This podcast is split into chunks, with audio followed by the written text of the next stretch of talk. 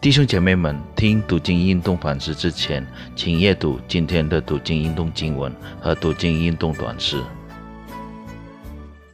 亲爱的弟兄姐妹平安，今天我们阅读经文是来自约翰福音第十八章十二到二十七节，请弟兄姐妹先亲自读这篇经文，再来跟我一起思想我们今天的主题：不要太自信。我们先低头祷告，亲爱的主，感谢你在我们生活上的看顾。今天我们再来到你的面前，要一起深思你的话，求主将圣经中的真理赐给我们，使我们都能够明白你的话语和真理。奉主耶稣基督的名祷告，阿门。彼得是一个高估自己的人。在第十三章三十七节，当主耶稣还在彼得身边，他就大胆地说：“我愿意为你舍命。”那时，主耶稣回答说：“你愿意为我舍命吗？我实实在在的告诉你，计较一些，你要三次不认我。”在三十八节，主耶稣的警告应该让彼得做一些反省。可惜彼得太自信了，在面对问题，他无法衡量自己的实力。他的愚蠢使他蒙受责愧。在今天的事情阅读中，彼得三次否认他是主耶稣的门徒，即当一个仆人或奴隶，一个守门的使女，在第十七节。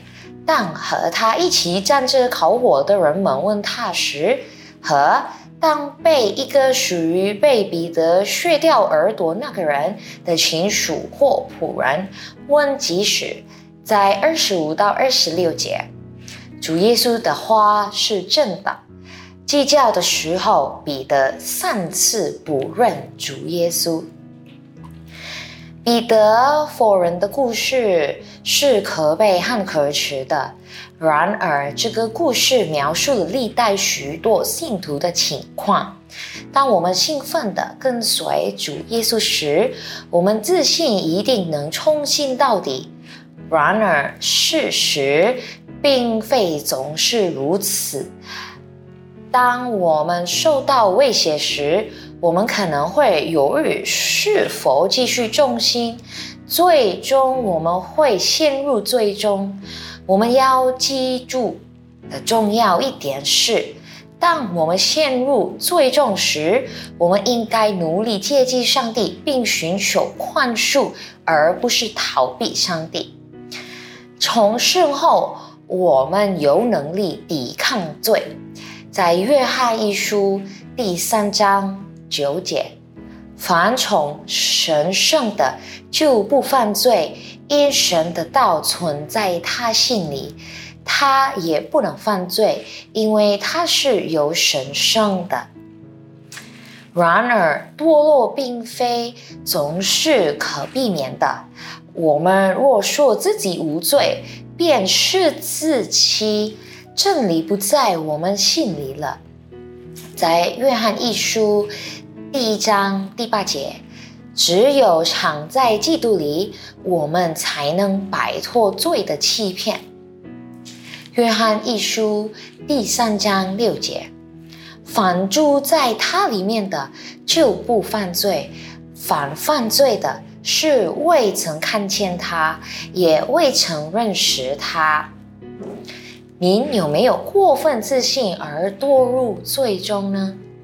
在格林多前书第十章二十十二节写，所以自己以为站得稳的，需要谨慎，免得跌倒。比如说，很多人以为自己很强，试试看戏演、喝酒一点点，不会上瘾的。但是结果来不及了，已经上瘾了，变变了习惯。除了戏言、喝酒，还有很多其他的事。我们没想到，已经做了这么久，进入最里面就很难出来了。所以一开始就不要太自信。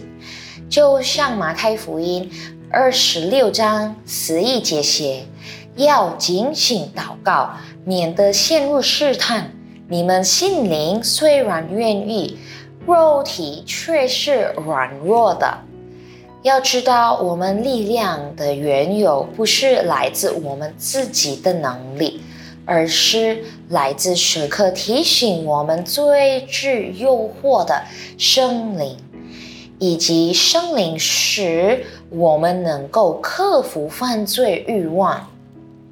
我们一起祷告：上帝，求你赦免我们，因许多时候。我们没有按你的教导而行，请赐我力量，并让我能甘心乐意的在言语、行为和思想上全然顺服你，讨你的喜悦。奉耶稣的名祷告，阿门。亲爱的弟兄姐妹，记得上帝与你们同在。